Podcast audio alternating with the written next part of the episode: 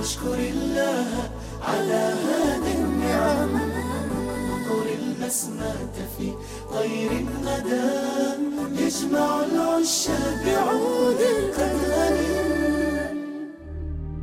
ونحن نمضي في طريق حياتنا. نمر على نقاط مهمة قد نغفل عن أهميتها أو تكون خارج نطاق رؤيتنا. نقط عمياء. مع إبراهيم العجمي. أهلا بكم مستمعينا الأعزاء في حلقة جديدة من حلقات برنامج نقط عمياء والذي نتطرق في كل حلقة من حلقاته إلى أمر مهم قد نغفل عنه في مفاصل حياتنا ويكون خارج نطاق رؤيتنا. فنمضي في ممارسته أو مجانبته فيشق علينا فعله أو يحرمنا الترك فوائده.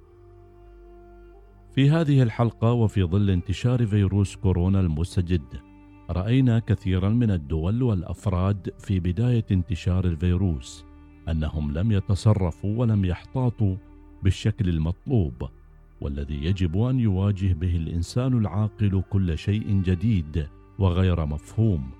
اعتقادا من البعض منهم أن تجاهل الحدث هو الحل الأمثل حتى يثبت ضرره.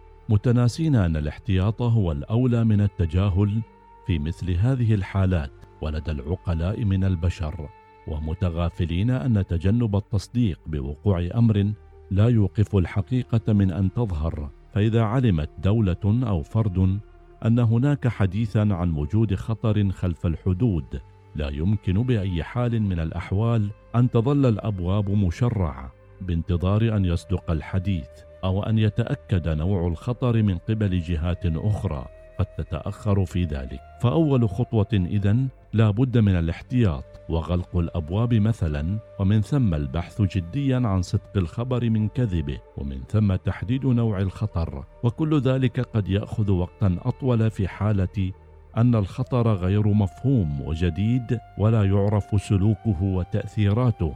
كما في حالة فيروس كورونا في بدايته حيث انتظرت كثير من الدول وصوله إليها لتبدأ بعدها في اتخاذ الإجراءات المناسبة ما تسبب في حدوث حالات إصابة كبيرة جدا ووفيات وضغطا هائلا على الأنظمة الصحية لديها. إن الاحتياط مشروع في كل تحركات الإنسان وأقواله حتى ولو كان معتمدا على أشخاص أو جهات أخرى أكثر دراية منه. فحدث كظهور فيروس جديد لا يعرف سلوكه وتأثيراته السلبية. لا بد أن يستنفر الجهود والتعامل مع الأخبار بحذر ومع التحذيرات باهتمام وجدية وأن يتم وضع آليات استباقية تدل على المسؤولية في التعامل مع الأزمات. فكثير من الدول التي تعاني الآن من الفيروس بشكل أكثر من غيرها لم تصغ إلى هذا النداء العقلي. الذي أودع لدى الإنسان بشكل عام فكيف بالمتحضر والذي وصل بحضارته إلى آفاق بعيدة؟ ما يكشف أن الإنسان مهما بلغ من علمه وتقدمه يظل قاصرا في جوانب كثيرة وغافلا عن كثير من الأمور. وكذلك الدول ينبغي أن تضع دائما ضمن خططها البرامج الوقائية والاستعدادات لأي خطر من نوع جديد في ظل تغيرات تشهدها الأرض وما كان في الماضي بعيدا أصبح في الحاضر قريبا.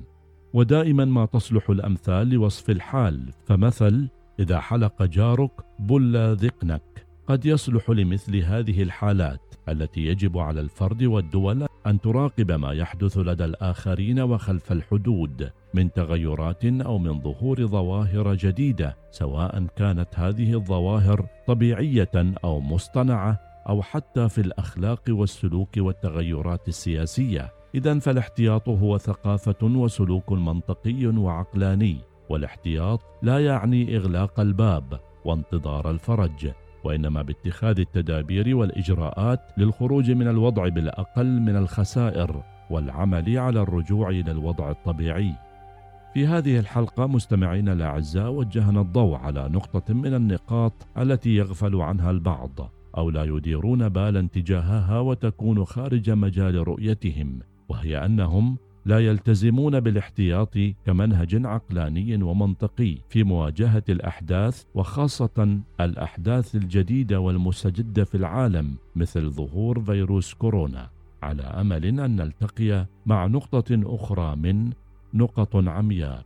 إلى اللقاء. نقط عمياء مع إبراهيم العجمي. يوميا في الأوقات التالية السابعة وخمسة عشرة دقيقة الثانية عشرة وخمسين دقيقة الثامنة وعشرين دقيقة. نقط عمياء يأتيكم برعاية بي إم دبليو. استمتع بعروضنا المميزة على جميع السيارات خلال شهر رمضان واحصل على فرصة الفوز بسيارة Z four. يا man يا man يا man